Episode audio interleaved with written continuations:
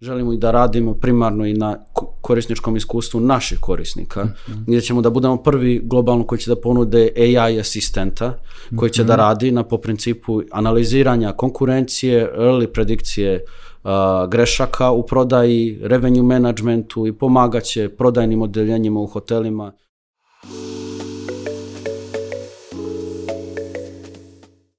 Zdravo ljudi, dobrodošli u još jednu epizodu Netokracije Netokracijenog Office Talks podcasta. Kao što vidite, posle praznika opet se vraćamo snimanju uh, epizoda, a vama mali podsjetnik da se pretplatite na naš YouTube kanal kako biste bili u toku sa novim epizodama, dok Office Talks možete pratiti putem audio kanala kao što su Deezer, e, Spotify, Apple Podcast i Google Podcast. E, naš današnji gost je Đorđe Jevtić, osnivač Srbijan Bookersa, startupa Srbijan Bookers. Đorđe, dobrodošao. Hvala na pozivu. A, hvala tebi što si se odazvao. ideja iz ove epizode jeste da malo više pričamo o tome koliko je zapravo pandemija uticala i kad je izbila 2020. godine na industriju turizma, zatim 2021. i evo šta se dešava sad, tek smo ušli u 2022. godinu, zapravo šta se dešava i u ovoj godini.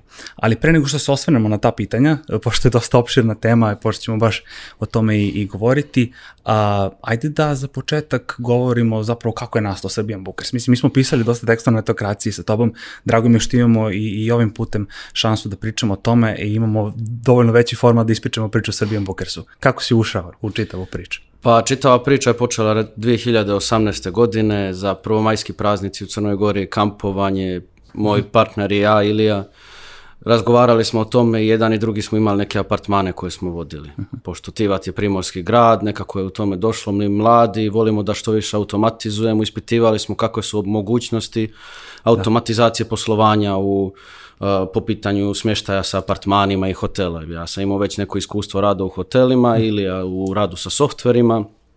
Krenuli smo da upoređujemo regionalna rješenja da šta postoji u Hrvatskoj koja je bila, da kažemo, malo uh, opremljen, opremljenija softverima nego što su i Crna Gora i Srbija u tom trenutku, pa još dalje smo krenuli Španija, Italija, pa sve do SAD-a zaključili smo da rešenja postoje, mnoga od njih su imali različite falinke, 2018. je sad ono da kažem dosta iza mhm. nas, mm -hmm. postojali su problemi od toga za početak, mnogi sistemi nisu bili prilagođeni lokalnom tržištu, svako tržište imalo neke određene male specifičnosti, a oni su bili pravljeni da budu unikatni za globalno tržište i što je da kažemo problematika kada neko kao manji vlasnik apartmana ili vlasnik manjeg hotela ili nekog srednjeg hotela želi da koristi taj softver, nemogućnost lokalne podrške, jako visoke cijene zbog neprilagođenosti i na kraju krajeva nedostatak nekih osnovnih funkcija. U, svoj, u svom tom testiranju zaključili smo da nijedno od tih rešenja nama ne igra dovoljnu ulogu, mm -hmm. da nismo spremni taj novac da odvojimo samo da bismo dobili jedno parcijalno rešenje i odlučili smo da se uposti, upustimo u istraživanje tržišta. Rekli smo krenut ćemo, nećemo se u potpunosti osloniti da isključivo samo to radimo, mhm. radili smo različite stvari, pružali smo usluge oko prodaje, e, konsultovanje nekima koji, nekima koji su pokretali apartmane, konsultovanje malim hotelima i polako smo slušali njihovo mišljenje. To je trajalo jako, da mhm. kažem, jedan duži period, skoro godinu i po dana, gdje smo mi polako sastavljali taj software, zaposlili smo jednu fantastičnu ekipu koja nam je u svemu tome pomagala oko prodaje, oko komunikacije sa klijentima i oko slušanja šta je to što je potrebno tržištu. Na kraju kad smo došli do, da uporedimo sve te funkcije i odlučili da to je to, sad imamo tu neku zamisao, tad je da kažem krenula korona početkom 2020. godine. Mm. Imali smo, imali smo gotovu misao i odlučili smo se ok, sad smo sve zamislili, još uvijek smo mladi, znači ne, nećemo ostati gladni ako se sad skupimo malo i još uložimo novca i napravimo to što smo zamislili, to što nam je tržište reklo, ne samo u Crnoj Gori i Srbiji, nego globalno šta želi. Tako da je ta čitava ideja, da kažemo, nastala slušajući klijente, a iz neke naše frustracije, jer smo upravo iz tog poslovanja. Upravo to. Uh, da, mislim čisto da ono, slušalcima objasnimo, znači Serbian Bookers nije platforma putem kojih mogu da se bukiraju smeštaji, nego, da kažem, software koji pomaže uh, e, hotelijerima, odnosno ugostiteljima koji su na internetu da uh, na jednostavan način pruže korisnicima Tako je, enterprise, ali, enterprise software koji nudi tako. mogućnosti konekcije i, i sinhronizacije online kanala prodaje kao što su Booking, Airbnb i Expedia, da mogu da se kontrolišu iz jedne aplikacije, a ta aplik aplikacija ima i front koji je zastupljen za recepciju iz kojeg mogu da se mhm. prate informacije o gostima, koliko često gosti dolaze, da se izdaju računi tim gostima, da se prate izveštavanja, a sistem je u cloudu i prvi smo koji su pokrenuli mhm. cloud rešenje u Srbiji i Crnoj Gori, tako da je moguće da se pristupi i putem mobilne aplikacije, ali i sa neograničenim ograničenog broja uređaja. Ja. Drastično smo na tržištu smanjili troškove ugradnje i održavanja upravo zbog toga što je cloud, a i bili smo i prvi koji su ponudili mobilnu aplikaciju,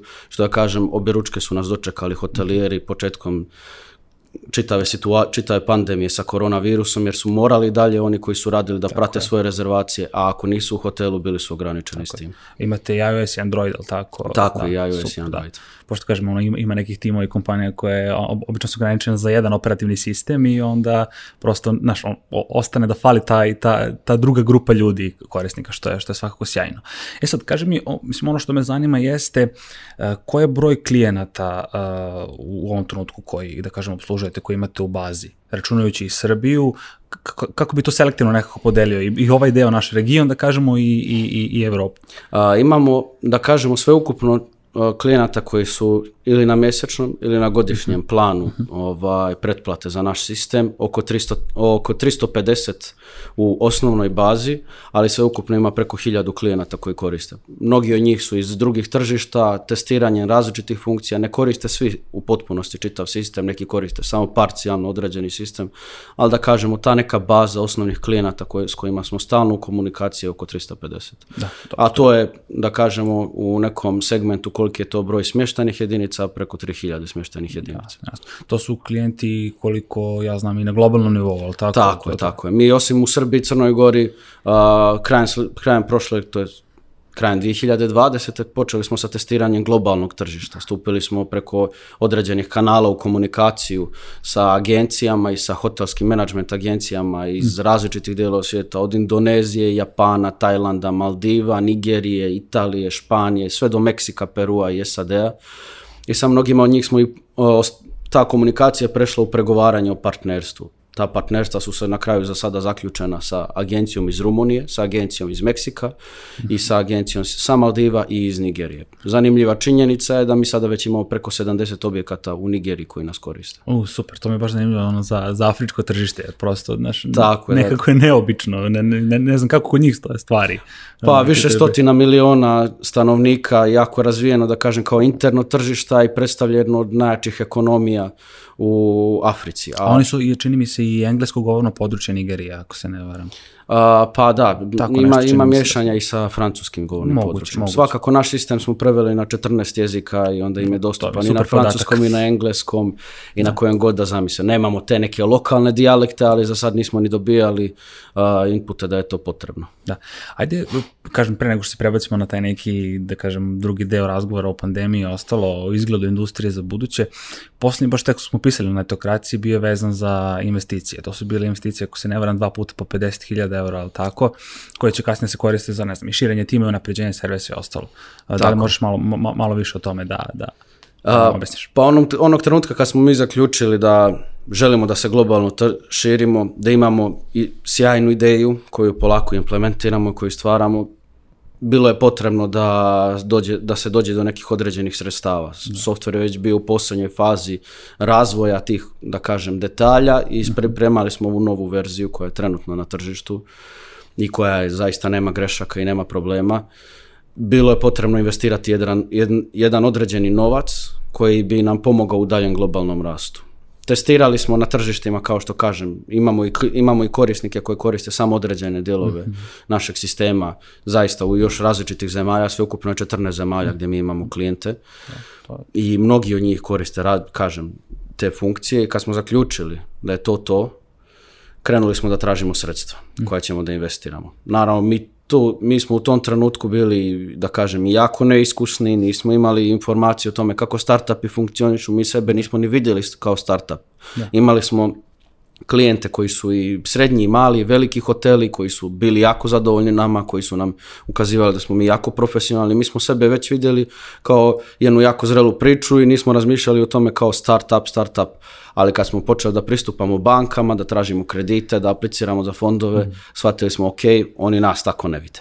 Da. I morali smo da dođemo do alternativnih izvora finansiranja, mhm. kao što su venture, venture fondovi, i u komunikaciji sa jednim venture fondom koji ima kancelariju ovdje u Beogradu dobili smo feedback da je potrebno da poradimo na našem core uh, da. biznis planu kako bi skalirali dovoljno brzo jer Ono što smo navikli da rastemo u desetinama, kako bi to izgledalo kad bi rast bio u hiljadama dnevno. Mi nismo bili u tom trenutku našim mindsetom spremni za to, da. a za tako nešto nam je bio potreban akcelerator. Dobili smo preporuku da stupimo u komunikaciju sa startup Wise Guys akceleratorom iz Estonije, koji je ove godine, to je za 2021. proglašen za najbolji i mhm. najaktivniji akcelerator u Europi bili su jako zadovoljni nama, prošli smo, i, prošli smo prilično brzo i među prvim timovima smo već a, dobili a, pristupni ugovor sa njima koji je podrazumijevao investiciju od 55.000 evra i mhm. koji je podrazumijevao mentorisanje sa njihove strane i koji je podrazumijevao a, da pro, čitav taj program koji će nam pomoći da mi pripremimo naše prodajne, marketing strategije, da imamo jasniju sliku ko smo mi, gdje želimo da budemo i mogu da kažem da nam je to prilično značilo. Najmanja uloga u svemu tome je bio novac, taj novac je bio tu da mi naučimo kako da investiramo, da, da. Uh, unapredimo softver, da istestiramo Google kampanje, da istestiramo Facebook, da vidimo od različiti alati šta nam odgovara, šta nam ne odgovara, od prodajnih do CRM-ova, do marketing različitih alata.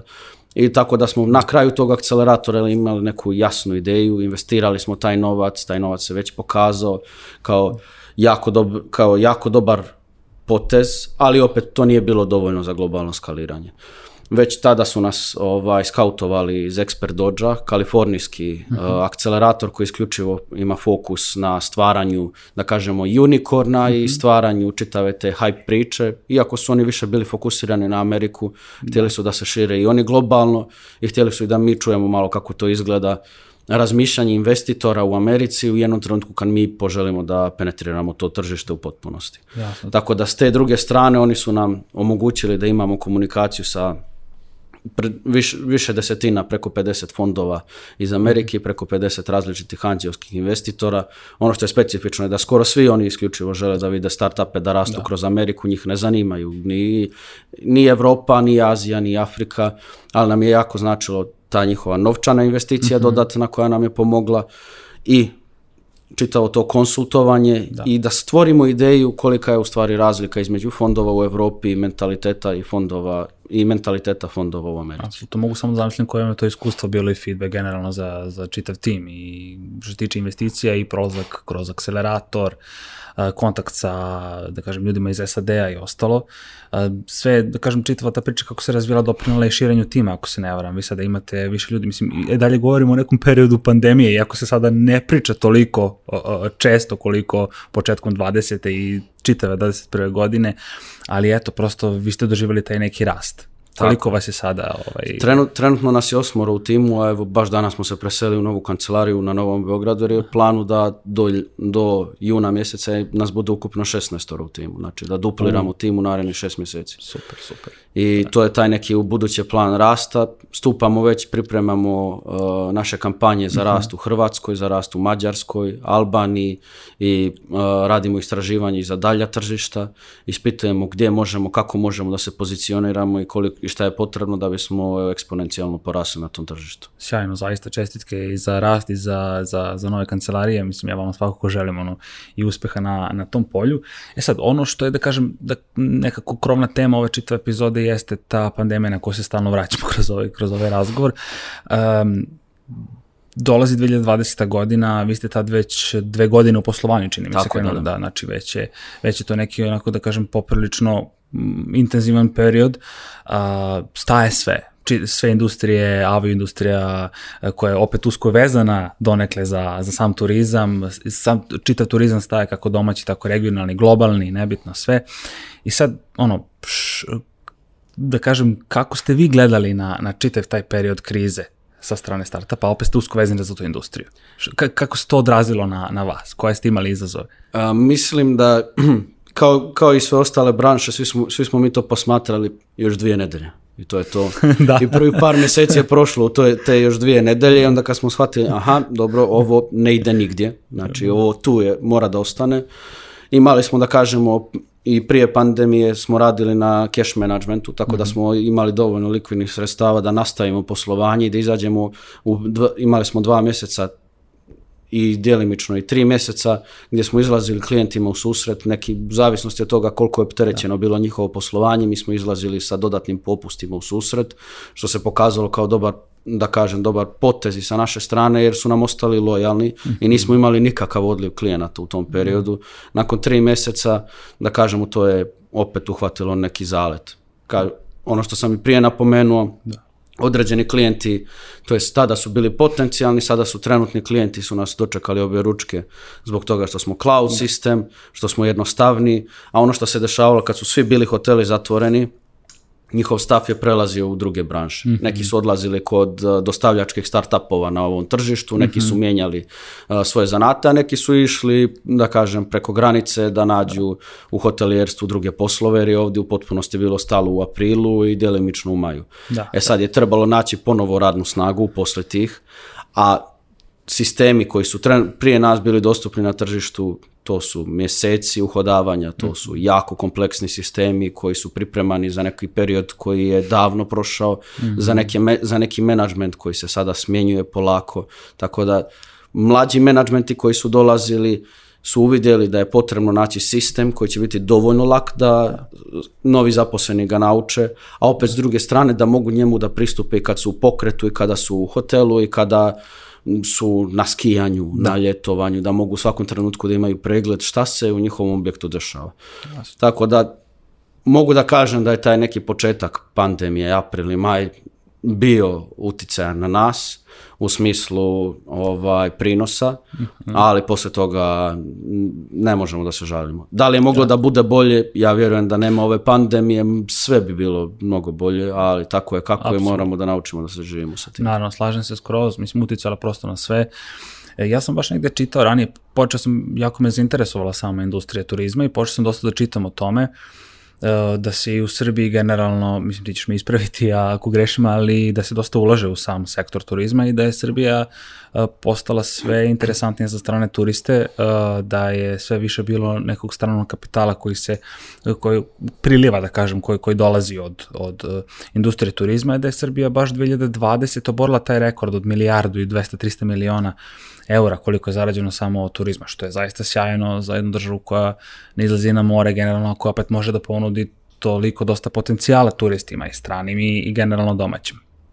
I sad u čitavoj toj priči, da kažem, uh, kada se zaletala zapravo industrija turizma, imamo ono, tu pandemiju, uh, sve je stalo, uh, u čitavoj priči hoću da kažem da je bilo dosta i osim velikih hotela i velikih, da kažem, izdavača, bilo je sve, javilo se sve više manjih izdavača u, u našoj zemlji, da kažem, seoski turizam na planinama i ostalo. Uh, da li ste imali neki feedback od njih, kako je zapravo njih tačno pogodilo to, ovaj, či, či, da kažem, čitava ta kriza? Uh, kako su, on, kako su, mislim, da li su se žalili na, na, na sve to? Pa, kao i svake krize, nešto, neki stari mentalitet se polomi i nešto novo mora da izađe iz toga. I to nešto novo 2020. je definitivno za Srbiju bio taj ruralni turizam, kada smo ne samo stranci, nego prvobitno građani kad su uvidjeli, ok, imam ljepote ispred nosa, mogu da odem na planinu Što? neku novu da je vidim, da istražim neko novo jezero, da oprobam se kakav sam u raftingu ili u bilo čemu da. i zaista je procvjetao taj turizam, tako da iako jeste bio gradski pogođen, možemo da vidimo mm -hmm. da na mhm. planinama bile su rekordne godine, u mhm. ruralnom mm -hmm. turizmu opet takođe rekordne godine i mislim da je za njih ovo dodatni motiv mm -hmm. da vide i da nastave da ulažu. A i do, domaće agencije mm -hmm. turističke koje su odlučile da nema šanse da mogu da stave ključ u bravu, da je to mhm. čitav život su to uložili, da su moraju prefokusirati. Ko je prvi krenuo, dobro mu se pokazalo da, i, da investira u upravljanje tura po i po Srbiji, a i kasnije i po Bosni, i Crnoj upravo, Gori i slično. Upravo, upravo, da. E sad, to, baš kad sam pomenuo te manje izdavače, zanima me da približimo ovaj publici koja koja baš sluša ovo iz ovog da kažem i, ko, i koja nije iz ove branše i koja koja jeste um, ili koja želi da se bavi naravno uh, koji su ono tvoji konkretno saveti poučeni nekim iskustvom iz ove industrije za male oglašivače koji nastoje da se oglašavaju na Airbnb-u i, i Bookingu generalno šta naša treba da obrate pažnju koji su ti koraci uh, u čitavoj to u čitavom tom procesu A, za početak trebalo bi da razmisle šta žele i ko će biti njihovi ključni gosti. Da li žele da ciljaju biznis goste, onda okay. moraju da razmisle da njihova konkurencija malo više u, hotelijer, u hotelima, okay. Mhm. ne toliko u apartmanima. Ako žele da računaju da su njihovi gosti možda stari ljudi koji putuju, trebalo bi razmisliti kako će da pripreme apartman, da li će da razmišljaju o nekim dodatnim uh, pomagalima u kući ili slično. Tako da, a čak i da za mlade gdje će da budu. Da. da li će biti blizu klubova ili neće biti blizu da. klubova. Da li će da naprave da bude lijep namještaj koji kad se slomi nije skup da se da. zamijeni. Tako da prije samog ulaska u taj čitav proces moraju da razmisle ko su gosti koje ciljaju, kako mm -hmm. planiraju da ih dovedu i ko je njihova konkurencija. Kada to shvate, onda će znati njihovi gosti ako su to određena grupacija da ne, nije bitno koja sada, kolika je njihova platežna snaga, onda koliko, koliko naplaćuje njihova konkurencija i da formiraju te neke svoje cjenovne planove. Treća mhm. stvar, da se oglaša, oglase na što više mjesta. Ne smiju da staju, ni, nije dovoljan booking. Ako su u potpunosti oslone na booking, to je privatna kompanija. Super je što oni napreduju, super je što rastu, ali naučeni smo da bilo je krize iza nas kada su too big to fail padali su. Da. Tako da osloniti u potpunosti svoje poslovanje samo na jedan izvor prihoda, to možda dovede samo do problema. Možda će kratkoročno da se pokaže jako dobro, ali dugoročno to uopšte nije dobra strategija. Tako da osim bookinga, treba tu razmišljati, ako su mali izdavači apartmana, treba mm -hmm. razmišljati o Airbnb-u, imamo mogućnost komunikacije sa Expedijom, još uvijek smo jedno mm -hmm. od mhm. tržišta koje, gdje Expedija dopušta i objektima ko, mhm. pored hotela, dakle nisu samo hoteli da se oglase, ali ne treba zaboraviti i na website, na društvene mreže, na SEO optimizaciju i na tako dodatne neke alate koji će im definitivno pomoći da dođu do dodatnih da, gostiju. Da, e, upravo sam to, baš sam taj odgovor očekivao od tebe, da definitivno, znači no, nije bitno dovoljno samo biti prisutan na, na, na određenoj platformi, već da kažem uložiti u te neke marketinške momente što je, što je sasvim, sasvim ok. E, e sad, uh, ajde da kažem, malo bi se fokusirao više na prethodnu i ovu godinu, posebno ovu godinu koja, koja dolazi. Uh, ono što me zanima jeste kako ti vidiš eh, da bi sada industrija u ovoj godini, uh, posebno o industrija turizma mogla da izgleda kada je reč o uh, bukiranju smeštaja. Da li će se više ići preko agencija, koje su prednosti ići preko agencija, koje su mane agencija i da li će turisti više da to rade u sobstvenoj režiji, koje su opet prednosti toga i mane tog procesa. Pa posmatrajući neke globalne trendove vidim da sve više, sve više sami, znači rade se individualna putovanja. Nekada je to bilo više preko agencije jer su se istraživala neka nova tržišta. Ja ako želim odavde da odem na Maldive, da. nekad je to bilo šta su Maldivi, gdje su Maldivi, kako je, kako ja do one kućice da dođem. I ako su na bookingu, na bookingu cijena 2000 evra po noći, pa ja ne mogu to da zamislim taj budžet. Da ali agencije su iz nekog načina uspjele da sklope ponudu gdje se, na primjer, može poći na Maldive za 1000 i po 2000 evra i da se odlično provedi i sve ulazi u paketu. Mm. Znači, glav, glavna prednost je manje glavobolje, manje razmišljanja o tome i dolazak do povoljnih cijena smještaja.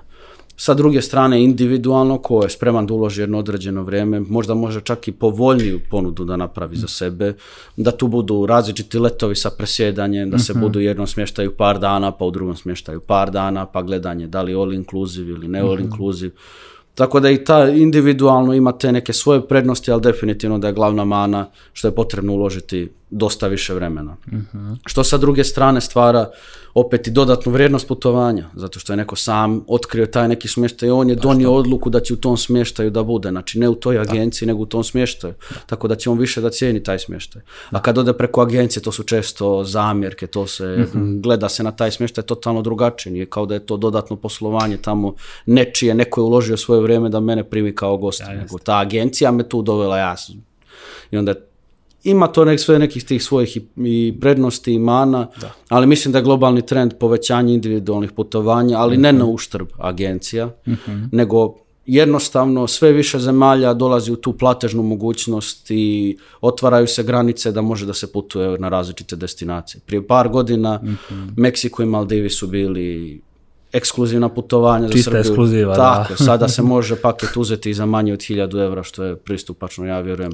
velikom broju ljudi. Jeste, čini mi se nekako da je sada Meksiko postakao nekada Tajland što je bio, kad, smo, kad je ono pola Srbije na Tajland odlazilo i da radi tamo i na odmor generalno, sad mi se čini da ljudi baš masovno u Meksiko odlaze. Pa Tajland je bio zatvoren jedno vreme, pa moguće da je zbog toga. Ja, sad, da, sad je Meksiko ni u jednom trenutku nisu bili zatvoreni. Maldivi isto, eto, e. mi imamo partnere tamo, imamo i hotele koji rade sa nama. Uh mhm. -huh Oni generalno nemaju problema. Imaju oni problem sa pandemijom, ali tako da. im drugačiji način razmišljanja, jednostavno previše su zavisni od turizma, pogotovo u Meksiku gdje imaju jako uske izbore za svoje prihode, da. a Maldivi su ostrvska zemlja ili mogu da ribaju ili mogu da primaju tako, goste i to je to. Tako je, tako je, upravo to. Opet, da kažem, egzotika u, u pravom smislu te reči. Nekako mi se čini, znaš, kada poredim te neke dve stvari, ono, uh, agencijski turizam i, ajde tako da nazovem, individualni, s druge strane, uh, čini mi se da će to uvek da varira koliko god bil, bio taj neki polaritet u društvu među ljudima koje, koje kako putovanje želi. Se ne stane potpunu slobodu uh, ovaj, individualnog ovaj, da kažem, aranžmana, kao što si pomenuo, i s druge strane uh, agencijskog, gde prosto dobiju, plate, ali dobiju sve na gotovo. Si, I sigurnost dobiju preko I, i, agencije. Imaš sigurnost, da. Tako je. Tako. Da. Agencije još sada i nude i uh, COVID osiguranja i dodatno... Da. I ako si na nekoj destinaciji ostaneš zaglavljen, imaš kome da se obratiš. Tako Ovako, je. ako se ode individualno, uh, može da se obrati ambasadi ili konzularnom predstavništvu, što Tako. jeste, jeste dobro, ali opet, da. šta ako sam zaglavljen na najužen, najjužnijem delu Meksika da. i treba da, da. sako do Meksiko Citya sada se ide. Tako, je. Tako da postoje Ostromene, neke, da. neke prednosti agencija gdje oni uvijek mogu da pomognu i nude neku sigurnost, da. ali opet, ko je malo više avanturistički okrenut, definitivno da više voli individualno. Jeste, putovanje. posebno sada kada ima toliko letova u okruženju Srbije, ne znam, Temišvar Budimpešta, gde može zaista da se dođe do nekih nekada egzotičnih destinacija, danas više pristupačnijih nego što je to ranije bilo sa, naravno, presedanjima i nekim korektnim cenama karata. Baš kad si pomenuo tu priču u vezi agencija, uh, sećam se one priče u vezi Zanzibara, baš su neki naši turisti bili tamo nešto zaglavljeni s obzirom yes. na COVID, čini se da neki... Početkom to... sad Omikrona su ostali, ali bilo tako je, čini, jeste, mi se oko da. 500 da. putnika, e, ali... Tako nešto, da. To je, da, to je da kažem, bio problem da politički što su tako brzo donosili da. odluke mnoge zemlje. Posle su vidjeli da. da su napravili grešku i da su morali da pošalju avione po sve te putnike. Da. Jer eto hvala Bogu i nadam se da će da, da bude bolja, bolja i bolja situacija, da će manje ljudi da bude Naravno. hospitalizovano i da će manje mortaliteta da bude. Ali eto, u tom trenutku, usled straha, jednostavno veliki broj letova je otkazan i da. neki ljudi su možda neki srećom, možda neki nesrećom ostali zaglavljeni. Jeste, jeste, upravo to slažem se skroz. E, e sad, ono što sam takođe isto hteo da te pitam jeste, ajde, ušli smo već uh, u 2022. godinu, polako, mislim, već smo na polovini prvog meseca. Kako ti vidiš da bi ova godina mogla da se kreće po pitanju turizma? Da li je, da li je ova godina postepenog oporavka ili možda potpunog, što ja baš i ne verujem, e, kako bi moglo uopšte da izgleda generalno u turističkom sektoru? jako je jako diskutabilno. Još vjerujem da se opo, oporavlja se nazad, znači kao onim mhm. karantinima i tome to neće se više, ni, mislim, nadamo se da, da se neće ići ka da, tome, da, jer da. to su, do to su bile jako ekstremne mjere. Tako. Ali granice sada sve više formiraju kako se može ući jer ljudi mogu da odbiraju, znači to je na njima, da li će da zadovolje te pravila da uđu ili neće zadovoljiti pravila i neće ući. Neka nije bilo moguće uopšte ući. Danas naši putnici mogu da odu do Francuske, do Italije, mhm. do Španije, postoje neka određeni načini, određena ograničenja, ali ko zadovoljava to ograničenja može da prođe granicu. Upravo. Tako da vjerujem da turizam se oporavlja, ne tom stopom kojom bi trebalo, to su politička pitanja, uh, kako se to treba rešavati, da li se treba malo drugačije rešavati, to je problem, ja vjerujem, nedovoljna komunikacija na međunarodnom nivou, mm -hmm. a onda s druge strane hotelijeri i vlasnici smještaja moraju da nađu način da se prilagode, da automatizuju svoje poslovanje, da paze kako će, ne, ovo nam, je, ovo nam je bio dodatni pokazatelj da ne možemo da budemo to, toliko, da kažem, ignorantni na, na da. neka zdravstvena pitanja. Tako, Tako da i u buduće nije, nije samo COVID tu, ima veliki, velikog broja virusa, nadamo se da se neće dešavati ponovo, ali treba i na to paziti u budućnosti i biti spreman za neke slične situacije. Slažem se skoro. E, prosto čini se da sporo ide, mislim kao i svaka druga industrija, velika koja je pogođena, koja zavisi od fluktuacije ljudi, e, prosto zavisi od tog nekog vremena koje mora da prođe da bi se, da bi se čitava stvar nekako iznivelisala, bar vratila na nulu, pa onda, mislim... A opet postoje uh, mislim da to nije samo u turizmu, nego da u svakoj branši da. postoje ekstremi. Ljudi uh mhm. -huh. koji su ja, jako jako mnogo porasli u turizmu, koji su ušli da. u pandemiju sa jednim hotelom, koji su našli svoj određeni biznis plan, svoj način poslovanja i koji mm. sada, mi ih imamo među klijentima, koji teže ka tome da pređu 10 hotela. To su ljudi koji su uložili posljednji, mhm. posljednji svoj euro, i investirali u čitavo poslovanje, ali su to jako dobro odradili da. i pokazalo se da radi na lojalnosti svoje gosti koji im redovno se vraćaju iz regiona i, i inostrani gosti I to, I to se, na primjer, pokazalo. Da postoje neki ekstremi koji dosta rastu, a ima neki koji su se, nažalost, eto, zatvarali svoje poslovanje. Opet, sve to neka uzlazna, puta, uzlazna putanja i vjerujem da je sve bolja i bolja situacija. Za neke nikad nije ni bila loša, za da. neke da. neće biti bolja, ali tako je. Slažno. Šta misliš kako će u Srbiji da se kreće čitava priča? Da li će biti sve više nezavisnih izdavača, odnosno oni koji nisu vezani za neke velike lance, hotela, domaće strane, nebitno, znači manji izdavači. Pa mnogi hoteli su poslušali savjet da inoviraju svoje poslovanje, ali vjerujem da su neki poslušali u pogrešnom smjeru i odlučili su se da potpišu ugovore sa međunarodnim lancima i da Aha. da preuzmu uh, određene načine poslovanja međunarodnih lanaca. I onda su zaboravili da su ti međunarodni lanci, mnogi od njih bili vezani za uh, biznis goste. I oni su kao kako da privučem biznis goste? Nema ih, imaju sastanke preko Zuma. Mora da se inovira kako na neke druge načine da. zaraditi novac, kako privući individualne goste, da. porodična putovanja, medeni mjesec, šta god, kako ljudi putuju, a ne samo raditi na neko će da me posavetuje za neki jako veliki novac, kupit ću njegove načine poslovanja, softvere koje oni koriste, koji da. su možda prihvatljivi u Americi gdje je u nekom hotelu, da ne navodim brendove sad, noćenje po 1200 mm evra, ali neki hotel iz Beograda koji se trudi sa 50-60 evra noćenje da popuni, da. taj način poslovanja ne može jednostavno da pokrije. Slažem se. Ono što isto ja mislim da će posebno u Beogradu, u Novom Sadu, da kažem većim gradima u Srbiji, a i Srbiji generalno nedostajati još smeštenih kapaciteta, ako se ne varam, jer će biti možda i potražnja veća. Mi smo u jednom trutku imali bum turista iz Indije, ako jeste, se ne varam, tako. Jeste, pa čitav, čitava ljetnja sezona u Beogradu, određeni hoteli 3-4 meseca 100% popunjenost. Da, da, da. da, da. I da. oni ne, ne, nemaju brigu da brinu. Da. Ok, to je bila ekstremna situacija. Nekako da. se tu zateklo da indijski turisti imaju do, dobar prolaz kroz Srbiju, da. što je za njih bio ko blagoslovi, za indice i za hotelijere. Neki su možda bili protiv toga, ali tako je kako je. Sunce je u nekom trenutku ogrijalo one koji su bili spremni. Ali opet Upravo. i u toj situaciji su se našli oni koji nisu uspjeli da zakače taj talas, koji nisu bili spremni da rade da. sa tim. Neki su govorili, ja isključivo te goste neću i takav način razmišljanja ih je doveo do toga da e, da otpuštaju svoju radnu snagu, da iznajmljuju te, da gledaju da zamijene jedan određeni broj smještenih kapaciteta, izdaju ih kao kancelarije i slično. Mhm. Morali su da se prilagode jer u tom trenutku nisu bili spremni da prime određene goste. Upravo. Što je, ja, to je njihova poslovna odluka i svako da. donosi svoje poslovne odluke možda su trebali, možda nisu, ali to vreme će im pokazati. Apsolutno se slažem s tim. Ono što sam ja takođe isto primetio, ali evo ti možeš tako da potvrdiš, jeste da je isto dosta tih manjih izdavača koji dosta, e, da kažem, mnogo vremena i resursa uložu na podizanje tog korisničkog iskustva, kvaliteta.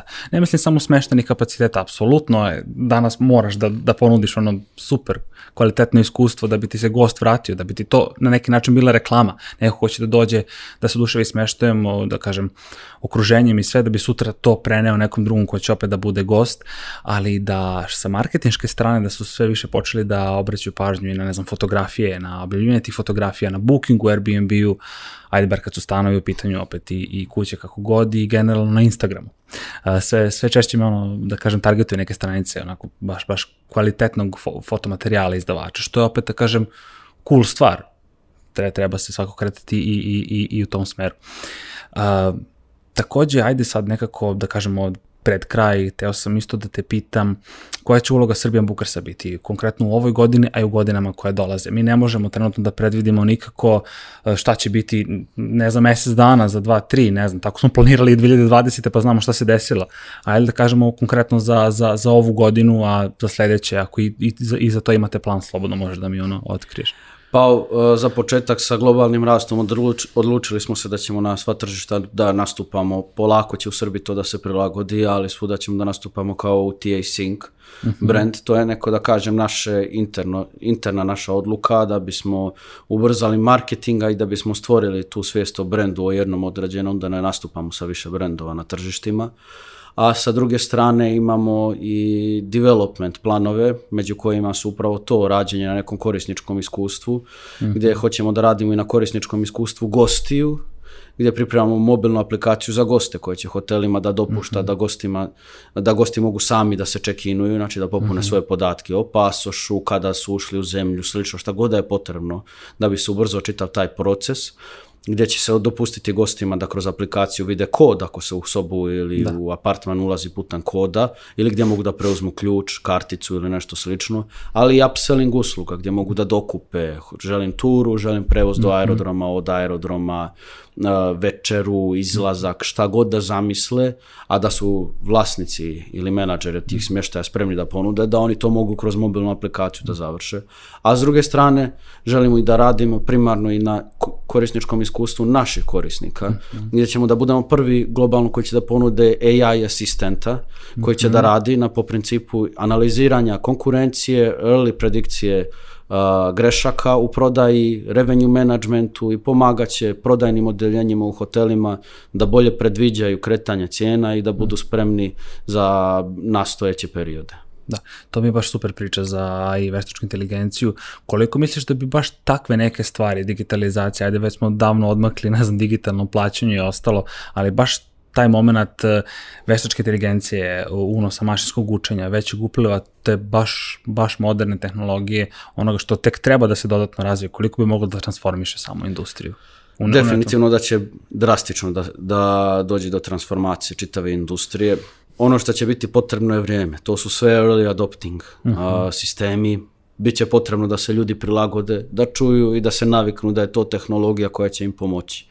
Zato što kao i kod svake promjene ljudi nisu u početku spremni. Mi često kada dođemo kod određenih klijenata i prezentujemo im cloud rješenje, na kao, ma, ja sam, nije, nije to stvoreno to tako. Da. Kažem, ima anegdota ono, Steve Jobs kada je prezentovao uh, prve iPhone-e i da korisnicima i oni kao tipkaju, pa šta mislite, kao baci ovako telefon, nisu prsti stvoreni za taj telefon. Pa naviće se prsti, ali ta tehnologija je tu da ostane. Tako i mi smatramo za svaku, svako novo rešenje koje dolazi, ne, ne, pravimo ga mi iz glave, zato što mislimo da je to, to, tako, iz našeg nekog, naše neko mišljenje, nego to vidimo da je potrebno tržištu. Ta mobilna aplikacija za goste je potrebna da Postoje globalna rešenja, ali su jako skupa i nedostupna su velikom. To su samo u najvećim hotelima dostupna. Ako se mali i srednji hoteli, ako se opterete dodatno finansijski, a bespotrebno, zato što to rešenje jeste korisno, ali pres, preskupo je za, makar za naša tržišta, a i ne samo za naša, samo određena tržišta to mogu da, da prihvate kao razumljivu cijenu. Tako da se i za to stvara neka, neka potreba a s druge strane za AI, AI asistenta ono što smo uvidjeli je veliki problem u ljudskim greškama. Mhm. Prije par godina kad smo mi kretali u, ovaj, u rad ovdje u Srbiji, Uh, bila je Final Four, čini mi se 2018. 2019. O, 18. čini mi Eurolige misliš tako, da, tako, da, tako, da. Tako. I veliki broj klijent prvih tih inicijalnih sastanaka koje smo imali, svi i hoteli i apartmani su nam iste stvari tada govorili nisu bili spremni za Final Four. Nisu podesili svoje cijene, nisu gledali košarkašku utakmicu, nisu znali da će to da se desi. I rasprodati su bili po cijenama koje su drastično niže od onoga što su oni mogli da postignu i što da. bi strani gosti bili spremni da plate, jer oni kad su okay. vidjeli 40, 50, 60 evra za noćenje u Final Fouru nisu mogli da veruju, oni to moraju u Barceloni ili negdje drugo okay. da plaćaju 700, 800, 1000 evra po noćenju da bi mogli da prisustuju događaju u tom okay. gradu i tako te neke stvari ne mogu sve da isprate ljudi. Mm -hmm. To je razumljivo, niko ne treba da bude ljut na svog zaposlenog zato što je napravio grešku jer nije se prilagodio. Da. Ali može da bude ljut na sebe ako nije, poz... nije dovoljno istražio alate koji su mu dostupni. Tako je da li te ljudske greške mogu da se nadomjeste nekim sistemima koji će to da sprečavaju ili da li, da li postoje neki određeni sistemi koji će da pomognu njihovim zaposlenima da ostvaraju efikasnije rezultate. E to je ono na šta, šta mi želimo da dovedemo na tržište, da prodajne odjeljenja, revenue management odjeljenja, ne samo u hotelima, nego i u velikim agencijama koje se sve više okreću ka tome, da ponudimo funkciju koja će da bude kao jedan dodatni zaposleni u hotelu, ali pravi manje ljudskih grešaka. Baš tako. Nekako baš kad te slušam i kad spomenuo Final Four Euroligi i ostalo, čini mi se da osim toga što si pomenuo da je već uprav tehnologije definitivno budućnost, čini mi se da će ona dosta da pomogne uh, ugostiteljima da se, uh, bar kad je reč o toj selekciji cena odluče, da li govorimo, ne znam, o selektivnom turizmu, da li to sportski, medicinski, kongreski, uh, kongresni turizam. Čini mi se da će baš takve neka vrsta turizma da bude nekako hit u Srbiji u, u godinama koje dolaze. Evo sad gledamo i Sava centar se renovira posle koliko godina, to je samo, samo on ima toliko potencijala da, kon, da kongresni turizam ovde dovede na neka velika vrata.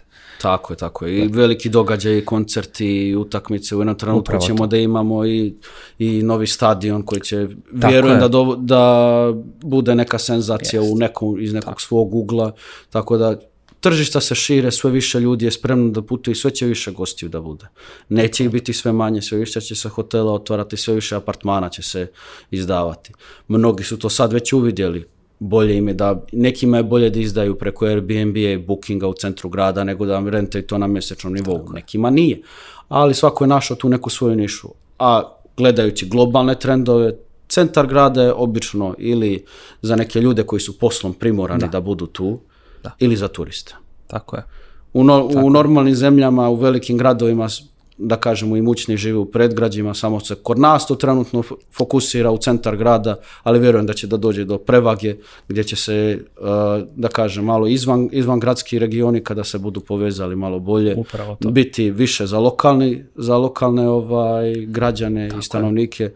a da će centar grada sve više da bude prioritetno orijentisan za turizam. Tako je.